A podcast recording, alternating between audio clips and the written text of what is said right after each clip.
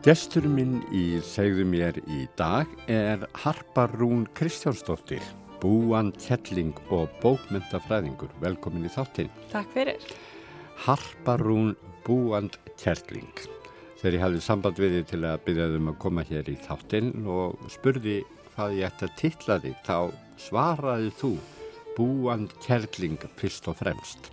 Mm -hmm. Búan kjelling, hvaða orð er það?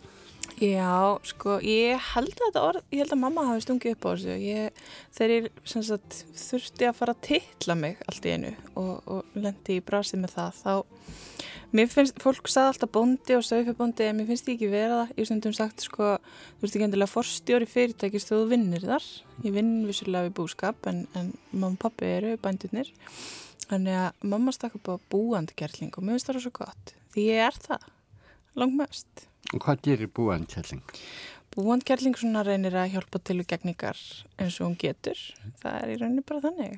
Um, ég er uppsveit og mikið og reynir svona að vera dögandi uh, nema þegar ég er að þvælast í Reykjavík um mótnana og hérna svona á milli þar sem ég er að vinna aðra vinnu þá, þá fer ég í húsinn. En segðu mér, hvað er það sem það að þú ert að starfa sem búandkjærling og hvaðan ertu og hver er upprunniðinn? Já, ég er frá Hólum og Rangólum sem er næst efsti heklubærin við þá sem að vita hvað það er. Við erum sannst, eh, næst næsti bæri við heklu, þetta er byggt út úr næfróldir sem er efstur. Og þann er amma, þannig að móðu fólki mitt er hann frá. Og amma aði byggja hóla sem nýbyrlið út úr næfróldi og þar er ég alveg upp uh, hjá mammu og pappa og bræðurum mínum, tömur og, og hérna pappar síðan á landsveitinni þannig ég er of mikið þannig bara ofan að mm. Og hefur þú ekkert, ekkert hérna yfirgefið þetta heimili? Mest lítið sko Mér að þú ert komin að passa aldrei sko Ég er það samt, ertu viss? Já, jújú, jú, ég, hérna, ég fór í Háskóla Íslands, náttúrulega fyrst fyrir fjölbröð og selfossi og, og svo fór ég í Háskólan og, og var þar kláraði þar 2018 þannig að þá var ég nú í Reykjavík svona með að mista kosti annan fótinn en ég let alltaf aftur upp yfir og ég er alveg búin að gefa það upp á bótin að ég ætla að búa eitthvað annars stað sko, ég hef engan á það því Þú fóst í háskóla til að uh, nefna bókmyndafræði mm -hmm. Var mikið lesið á þínu heimili? Rósa mikið lesið mm -hmm. og hérna þaðan kemur þetta held ég þessi bóka áhugi af því að ég er kannski fyrst í bókmyndafræðingurinn í fjölskyldinu en, en samt eru eitthvað í allir bókmyndafræðingar í fjölskyldinu finnst mér. Uh, rosa mikið alveg upp við að lesa og ræða bækur og, hérna, og það er ennþá sko þá tölum við um þú veist þessi var að lesa þetta og þið verður að lesa þetta svo ég geti talað um það við þig og við erum ennþá alveg þar. Þannig ég held að kannski var þetta bara óhjákvæmilegt að þetta væri leiðin sem ég færi. Uh, en ég man hins vegar eftir sko það er ekkert mörg augnabliki í æfinni sem að eh, var svona ákveðin opnumstir og, og var uppljumun en ég man þegar ég fattaði að það væri hægt að greina bókmyndir og þetta væri bara eitthvað sem hún geti kannski unni við. Og hérna það var ég fjölbreytt á Salforsi í íslensku tíma hjá uh, Jón Ösur Snorarsson heitir kennarum minn. Og það er svo gaman að í dag erum við síðan ornir vinnir og samstarfsfélagar. Og hérna en við vorum að lesa Borgers smásögu borgarsar og hérna um að lesa samkvæmt Guðspilli Markusar sem að er svona táknsaga þar sem mann í rauninni bara tekur biblíusögur og snýra hans upp á þær.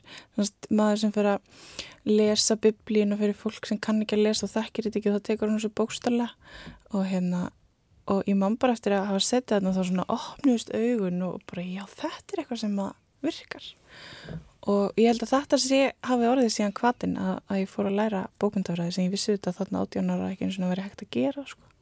en, hérna, en þarna opnaðist eitthvað Og þú ferði í bókmyndafræði og þú klára bæði BA og MA mm -hmm. hvað varst að stúdera og skrifa um í reytiröðunum?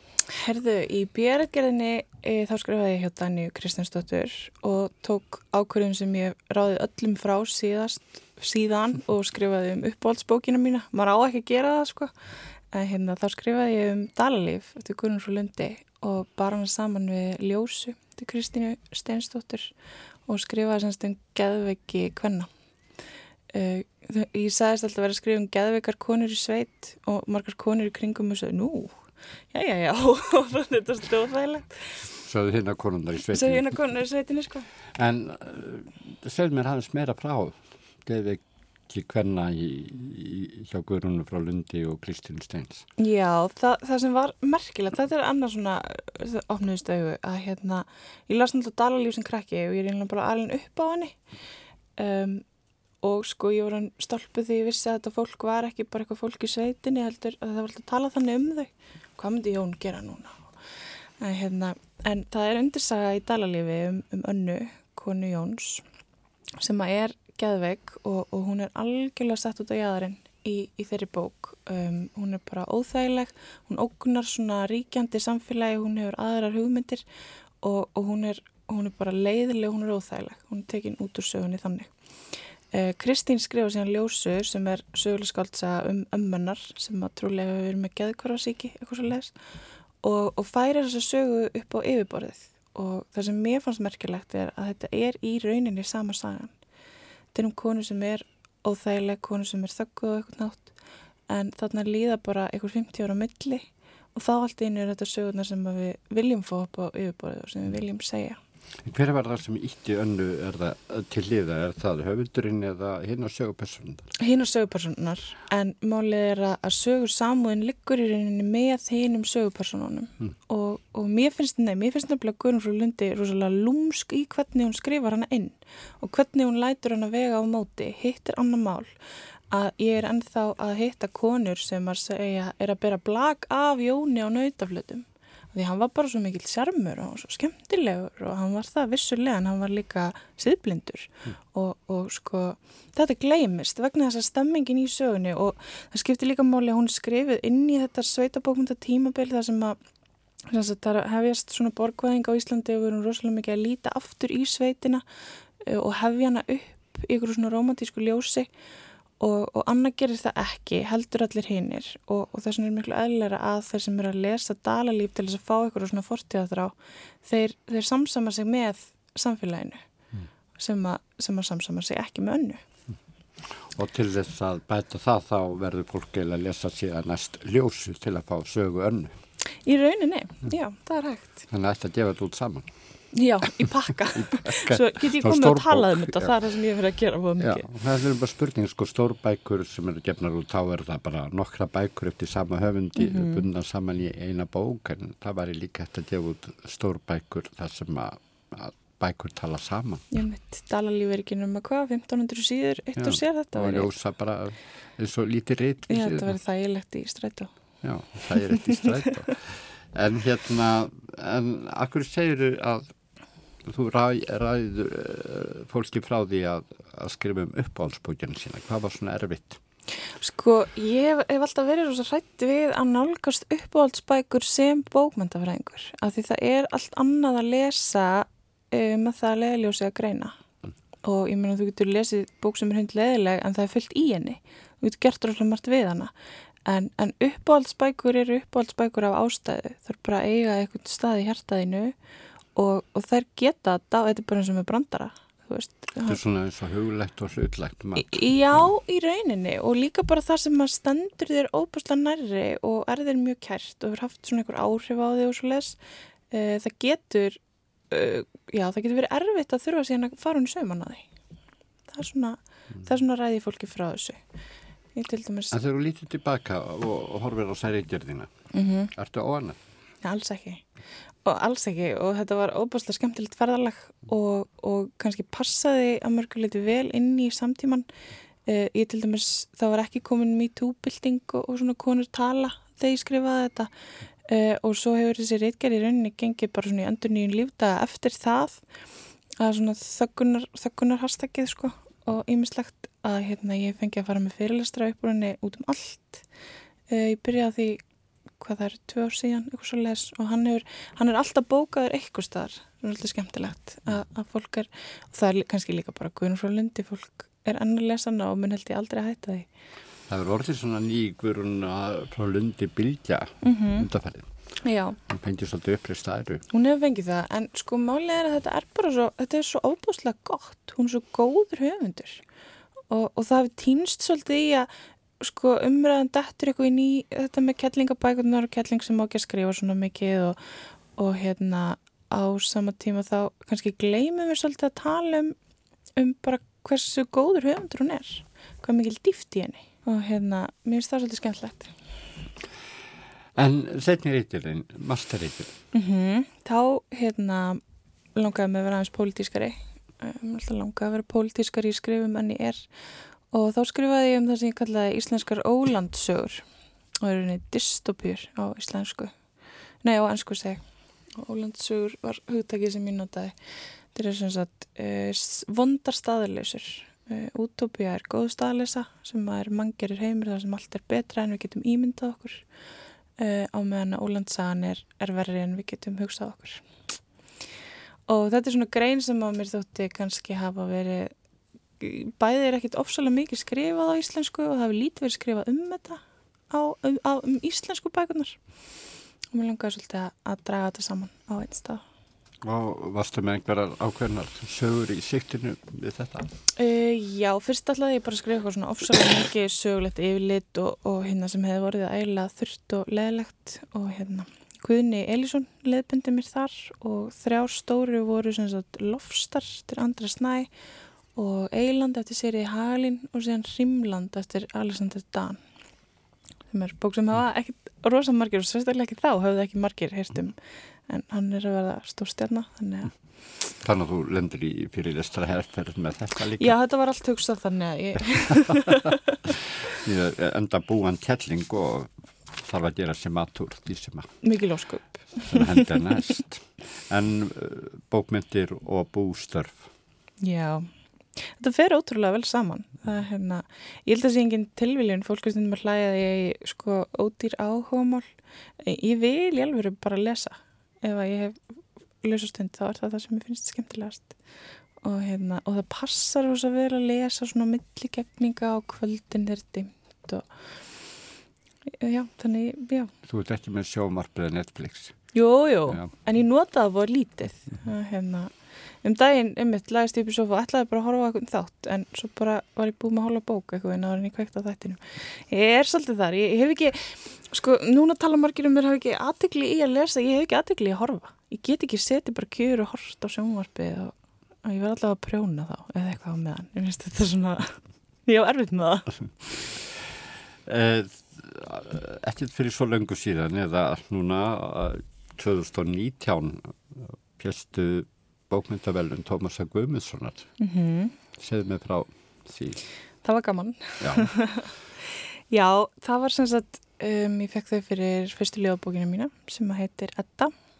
Um, Já, það, það er bara svo góð titill. Það er svolítið mikið notaður Já, já en það hefur alltaf gengið vel sko og, og fólk Þú byrjar á klassíkinni bara. Ég byrjar á klassíkinni, fólk laðast af því sem það þekkir. Mm. það, veist, bækur sem að heita Edda hafa alltaf selst Ég hef aldrei verið vörð við annað þannig ég hef bara að vera örg Nei, hérna, hún heitir sem sagt eftir uh, konunum sem hún fjallar um í rauninni eða voru kveikjanaðinni sem er annars vegar sýsterinn af mömmu sem var reyndar hér erla en hvað hlutum hann að eddu. Og svo dóttur hans stórbróður sem heitir Kolbrá Edda og, og kýrs sjálf fremur að vera Edda tvekjar á gummul en þá að mista kosti. Og hérna það er eiga nú þennan titil. Og um hvað fjallar Edda? Edda fjallar um að, að vera barn og að vera gamall og, og hvernig þú skiljur heiminn þegar þú ert barn og gammalmenni sem kannski er að byrja að læra á hann og, og byrja að tínunum en hún fjallar kannski líka fyrst og fremst um að, að vera þann á milli og skilja hvorugt og vera svona að reyna ég var svona að reyna að höndla þetta sem að hefur verið kallað kannski samlóku kynnslóðin að hérna að vera hvorugt og, og, og skilja ekki þessa heima því að Samlóku kynnslóðin Já, Sig, Sigmars hérna, komið þetta orð, formadur Tómasar Dómnefndarinnar. Hún segir við sem erum bæði með börn á leikskóla og fóreldra á allir heimilum. Við erum samlóku kynnslóðin og hérna og já, þetta er líka tengistöldi ég til dæmis er ekki alveg upp við leikskóla á allir heimili. Sannsagt, við fórum ekki á leikskóla og amma var bara heima. Þú veist, þannig að hún dó. Og gamla fólki í kringum okkur eitthvað einn. Þannig að kannski hef ég pínu aðra sín á þetta heldur en samlöku kynsluðin, svo ég hvorki barn á leikskólinni fóreldra á allir heimili en þá. Þannig að þú ert ekki samlóku kynsla. Nei, ég er bara að reyna að hugsa eins og hún. Af því að svo margi vinniðinni þar. Já. En er þetta þá vantarlega svona eins konar samfeld ljóðsaga? Já, þetta er í rauninni bólkur sko Já. og reyna að láta þær kallast á og hérna og já, stundum veist ekki alveg hvort það er barn sem er að tala eða gömulkona og það er það sem er svo skemmtilegt sko og það var eitt af þessum kveikti þessa hugmynda því að ég byrjaði að skrifa hana þegar að uh, þetta móðusistir fer á elli heimili og, og hérna hún er svona gömul og er að byrja kannski hans gleima og, og, og svona við vorum líka hægt að skilja hana. Að það er sem sagt þegar að einhver, einhver breytist og hættir að vera þessi fullorni og, fer eitthvað annað.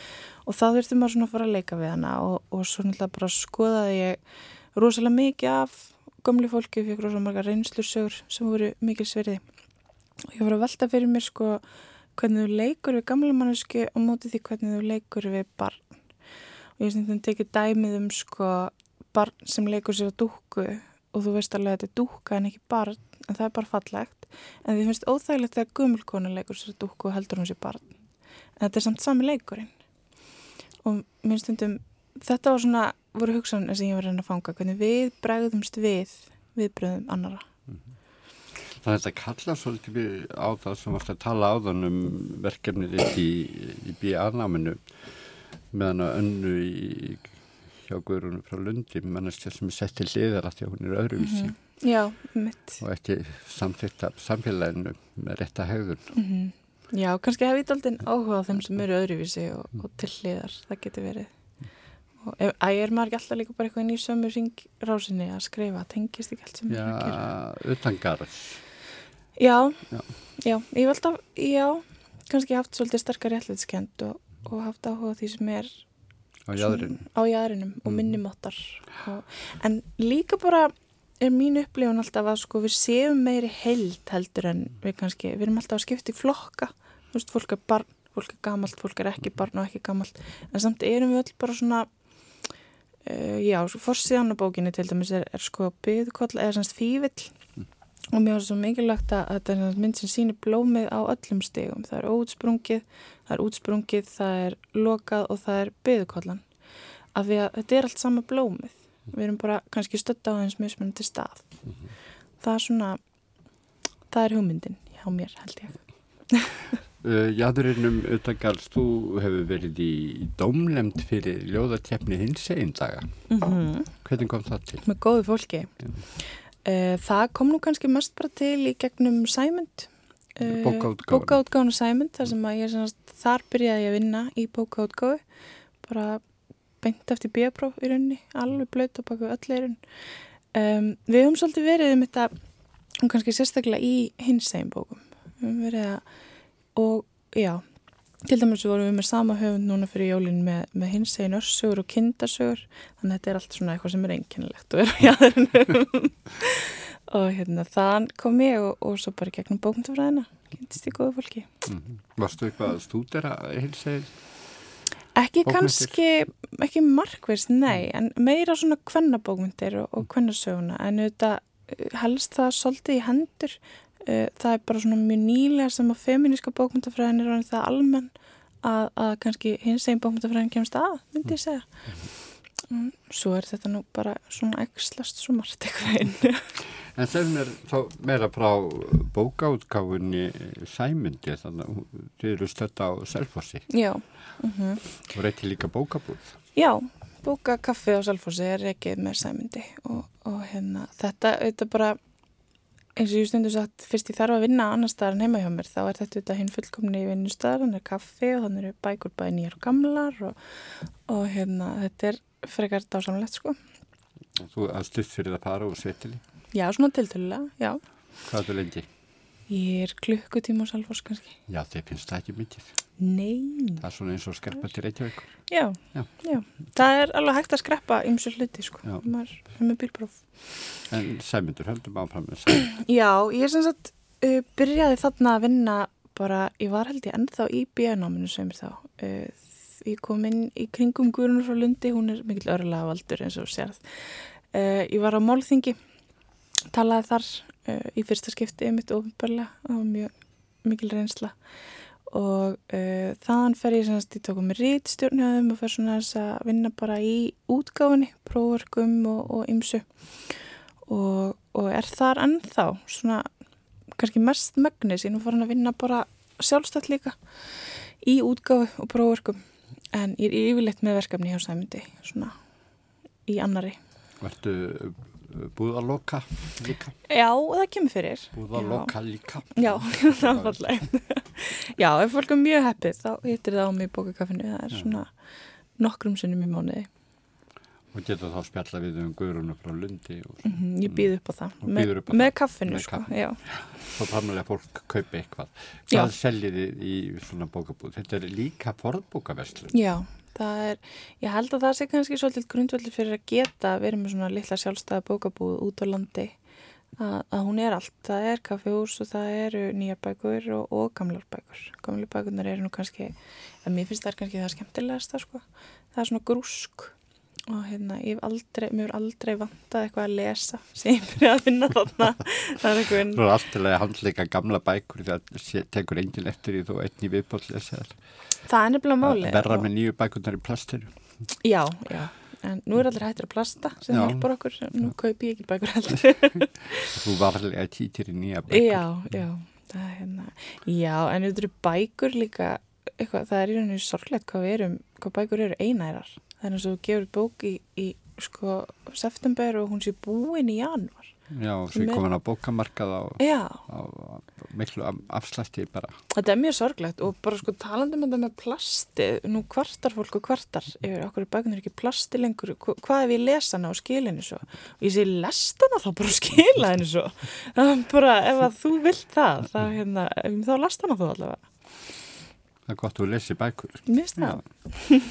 En þeir eru líka í útgáfu. Já, Þannig að það er, þeir eru að selja nýja bækur, þeir eru að selja gamla bækur og þeir eru að gefa út bækur. já. Og hvað er svona stefnan í bókaútgáfunni? Og hún er, hún er bara vaksið svo hratt. Þetta byrjaði bara sem, sko, ég held að það hefði verið sjö bækur þegar ég byrjaði á ári og það voru 42 núna mjólinn. Þetta er orðið alveg, já, hérna, en við erum svolítið svona að reyna að gefa út eitthvað skrítið og kannski eitthvað sem aðrir vil líki. Og hérna, meðslubókin okkar fyrir jólinn var kindasögur. Það er engin lígi og hérna, ég er ekki við sem margir hefði veðið á þann hest. Og, og já, bara að vera svolítið svona skrítinu öðruvísi. Það er kannski, ég myndi segja að það væri stefnan og nú sita kallanir heima og, og hugsa af hverju er hún að setja stefnu fyrir útgáfuna stúlka. Já, ef þú lítur bara yfir útgáfu söguna þá er þetta kannski einmitt stefnan. Ég held það, já. Og nú tala bara að því og segir bara stráka mínu því bara kíkið á, Já, á hérna hvað þið hafi verið að gefa út. ég segi það. það en ég meina það er bara eins og með þetta allt. Söðkindin hefur haldið lífinu í sæmundi, sko, alveg eins og þjóðinni. En bókabæir, það er eitthvað sem að þú er líka komið að. Þú verður nú að segja mig frá því, ég veit ekkert um bókabæi. Ok, nú skulum við bara fara yfir það. Uh, bókabæðinir eru sem sagt, ég heldur sem núna frjálsfélagar samtök, já, sem eru reygin fyrir Östanfjall. Þetta er hluti af alþjóðarreyfingu bókabæja sem er bara, hvort þau eru í 19 löndum núna held ég uh, og eru svona vinafélagir. Þetta snýst bara um að að hérna lifta bóklestri og, og svona umræðu um bækur og, og bara bókinni um, og þetta er sem sagt var stopnað uppalega í, í Árborg og Sveitafélagunum í kring. Það er svolítið bara sem með Ísland, við erum svo rosalega fá að við þurfum að hafa svolítið marga bæi inn í til þess að geta talið upp í töluna sko, fjöldan. En hérna, Þú tala upp í fjöldatölu það er að segja sko, það, það búa tölvist fleiri í litlum bæ til dæmis í Ástralíu. og þurfið þið en- að hafa svona marga. Ég hef betra bara upp á að fólk mæti á bara- en þetta gefur okkur hins vegar það að við höfum hann stórt svæði til þess að halda viðbyrði og við getum dilt þeim niður sem er mjög skemmtilegt og hérna við sem sagt þetta er búið að vera starfandi síðan held í 2014 minnur ég hef komið inn hann 2015 og við erum að halda viðbyrði bóktengda viðbyrði upplæstra og ljóðakvöld og málþing og alls konar Og alltaf undir nafni bókabæ. undir hatti bókabæjana, já Já. Og hvað, og, og hvað hafið þið verið að þessum? Það er eru þrýr fastir viðbyrðir á ári sem er uh, málþing og það er margmála ljóðakvöld sem við kvöldum og svo er hérna barnabókahatið og svo erum við með bókagöngur og, og bara svona það sem okkur dættur í hug svolítið mikið. Hvað er margmála? Það er óskaplega skemmtilegt. Þetta er sem sagt, fengum við, við vorum beðnum að taka þátt í Evrópskum margtungum ániði fyrir einhverjum árum síðan, alltaf ekki fjörðarskipti núna og, og mér dætti ég að halda sem sagt ljóðakvöld þar sem að útlendingar á svæðinu lesa ljóð á sínum móðumáli sem er síðan lesið á íslensku eða minnst okkarstu endursagt á íslensku og þetta bara hefur alltaf gengið, þetta gekk, fyrsta kvöldi gekk þannig að, að þegar við löpum út þá var röðin sem sagði ég vil vera næst, ég vil vera næst. Þannig að það var mjög augljóslega næst. Og það endar alltaf þannig, við erum eitthvað alltaf komið fólki siktið bara um, áður en við slítum kvöldinu. Erum við, sem sagt, höfum við fengið þinga til okkar fólk af ellendum upprönda sem eru bara gangandi ljóskald og rittöfunda? Það er til í því, já, og, og bara líka fólk sem les, það er ekki endilega að lesa eftir sig, mm. en, en bara sín upp á allt sljóð mm. og, og já, það er svo mikill auður. Og það er svo gaman þegar fólk, mann sér fólk fara frá því að vera sko, uh, til dæmis bara höfum við unni rosalega gott starf með tvingum Rauðakrossin, það var svo ótrúlega þetta fyrsta kvöld, þá voru nýkomnir flótamenn frá Sýrlandi uh, í Salfósu hverjargerði og hérna við höfum sambandi Rauðakrossinu og spurðum hvort við getum fengið þau til að lesa. Og þau fóru bara frá því að vera flottamennir frá Sýrlandi yfir í að vera sko bara frábærir uh, í að koma fram. Færið okkur bara eitthvað tungumál og, og upplestur sem við höfum aldrei heyrt á þur og að því okkur er svo tamt að stimpla, það er eitthvað þú veist, pólverinn í sjópunni og, og þú veist, fólk er bara þjóðarnið sitt Uh, og þannig ferði að vera bara eitthvað allt annað, vera bara upplesarar og, og ljóðskald þess vegna. Og svo hefum við líka unni þessi kvöld í samstarfi við gullkistuna á laugavatni sem er svona listamanna dvalarstaður og þar eru gerðan skáld sem hafa þá fengið að koma og, og lesa afraksturinn. Og það er líka rosa gaman að heyra sko hvað er þetta fólk að vinna á Íslandi. Það gerist eða skáld frá Lettlandi og kemur og, og byrða á laugavatni í mánuð veist, þá gerist eitthvað alveg nýtt sem er skemmtilegt.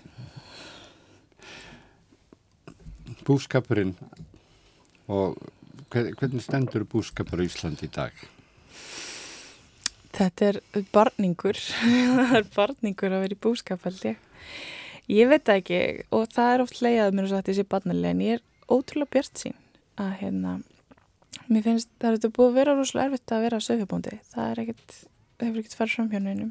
Hvað er það svona sem er erfitt? Ég það er til dæmis bara svo erfitt að vera fastur í starfi þar sem þú veistum múnt fór launa lækkun á hverju ári en ekki hækkun. Það er öfugt hjá flestum sko og hérna eh, en sko ég vil trú að neslan okkar sé að breytast og ég vil trú að hann breytist þannig að, að við notum meira íslenskt. Við þurfum að gera það og, og það sem er framleitt á Íslandi og í heimabegð og, og við erum bara að breyta Sko ég er að, hérna, ég er að súta gærur til dæmis, bara sjálf hver hefur trúið því mm. og, og sko öllina getum við selt bara á bæi í sveitinni beint og þeir borga meira heldur en ístags, skilur við? Mm. Og ég held að þetta sé framtíðin og ég veit alveg að þetta mun ekki gerast á einni nóttu en ég held að við munum eitthvað bara svona, við þurfum að breyta hlutunum og ég er ekki að segja ég sem ykkur að lausna því hvernig það gerist en ég held að við munum alltaf þróa okkur í áttina meiri sjálfbarni og, og gera minna og gera það vel. Þetta sko neytendur ef ég svona sest þeim með mig borðið, þá dreymir mig alltaf um að, að ég geti vanlið mér bestu bitana, ég get mhm. valið be, frá bestu bóndunum þegar ég kem í kjötborðið í vestlunum þá búið ræra öllu saman Akkurat. og ég veit ekkert hvaðan kjöti kemur þannig að það verður svona meðalmelska, það blanda Já. saman því besta og vesta þannig að ég fæ nánast haptrætti að vesla er... í, í kjöttborði þegar mér langar til að vesla við góðu bændurna og efla þá. Já, sem er eitt af því sem er mjög sorglægt þannig að það er búið að vinna mikið í því að upprunamerkja og frá bóndanum sko, og ég sendi lampi sláturhús, þá getur ég sagt þér nákvæmlega hvað það er, þú veist, undan hverju það er og hvað það hefur gengið, þá engar til að komi inn í kæli. Já. Og það stoppar þar. Það er bara hverfur upprunin. Það er hverfur merkið og upprunin og, og Hvað hafa bændur gert í því að fá bara fá að halda sínum merkingum? bændur auðvitað hafa sumir verið að gera og fólk er farið að vinna afurður heima og margir upprunamerkja og, og hérna það er frábært. Og það er næst allar leið í kjötborðið. Ekki nefnilega alltaf. Nei. Það er, nei, það er gallin og þetta er það sem að sko... Það kemur óvorði líka á hérna góðu Já, bændur já. að þeirra einhverju skussar Mm fá að njóta sín í stjóli hérna. maður þurft að standa betur saman það er það sem bændur þurft að gera og, og snúa tilbaka held ég til dæmis í, í fleiri og minni sláturhús frekar en saminning og hagraðing er bara ekki alltaf af henni góða held ég, þó hún kannski kosti minni peninga En hefur ekki trú á því að uh, já, ef að kemur gæða framleysla frá einstakku bæjum og þeir verða vinsælir að það meni efla og styrkja almennt líka ég held það búskapin Jú. og söðfjörækt. Jú, og ég held líka fyrst og fremst betri heldstæði nýting sko, ekki, ekki farga lamp og nota bara lærin að því ég vil að nota bara hverja einustu tuðu sko minnst það skipta máli Nú förum við í tilpýningatriðin. mm. Hvernig er að horfa á eftir lambi í slátrun? Það er alltaf jafn nervitt Já. Jú, það er bara, og ég held að það breytist aldrei.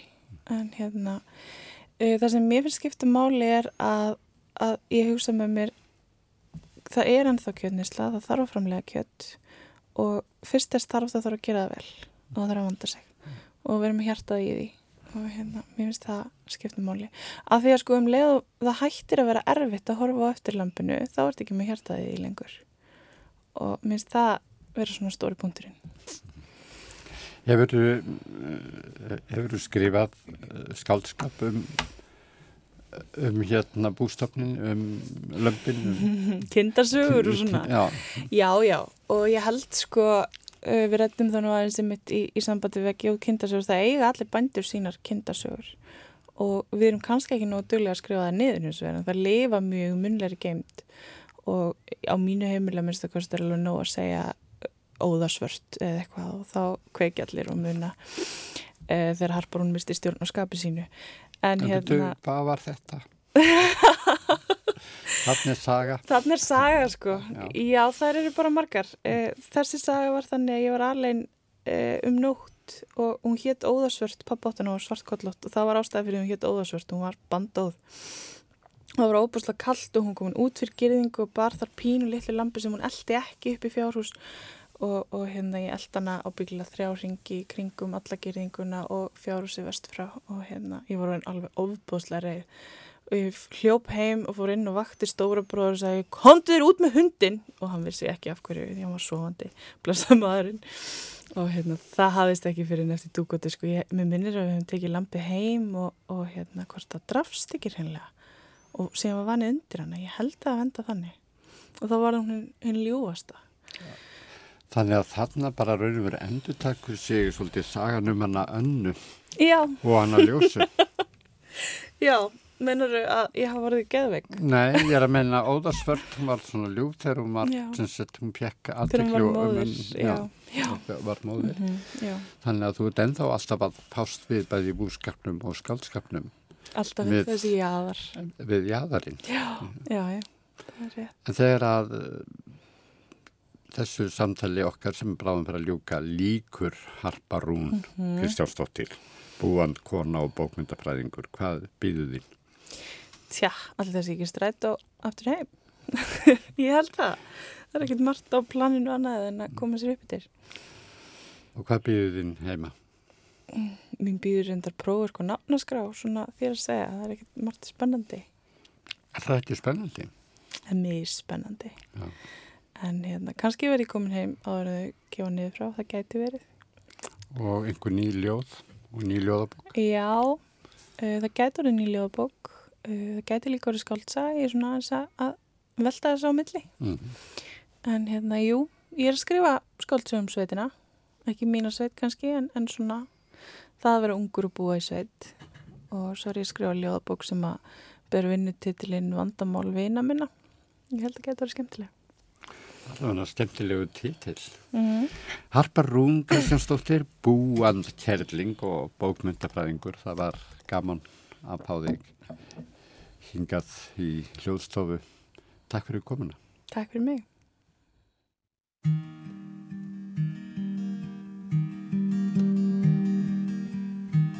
Maybe I didn't treat you quite as good as I should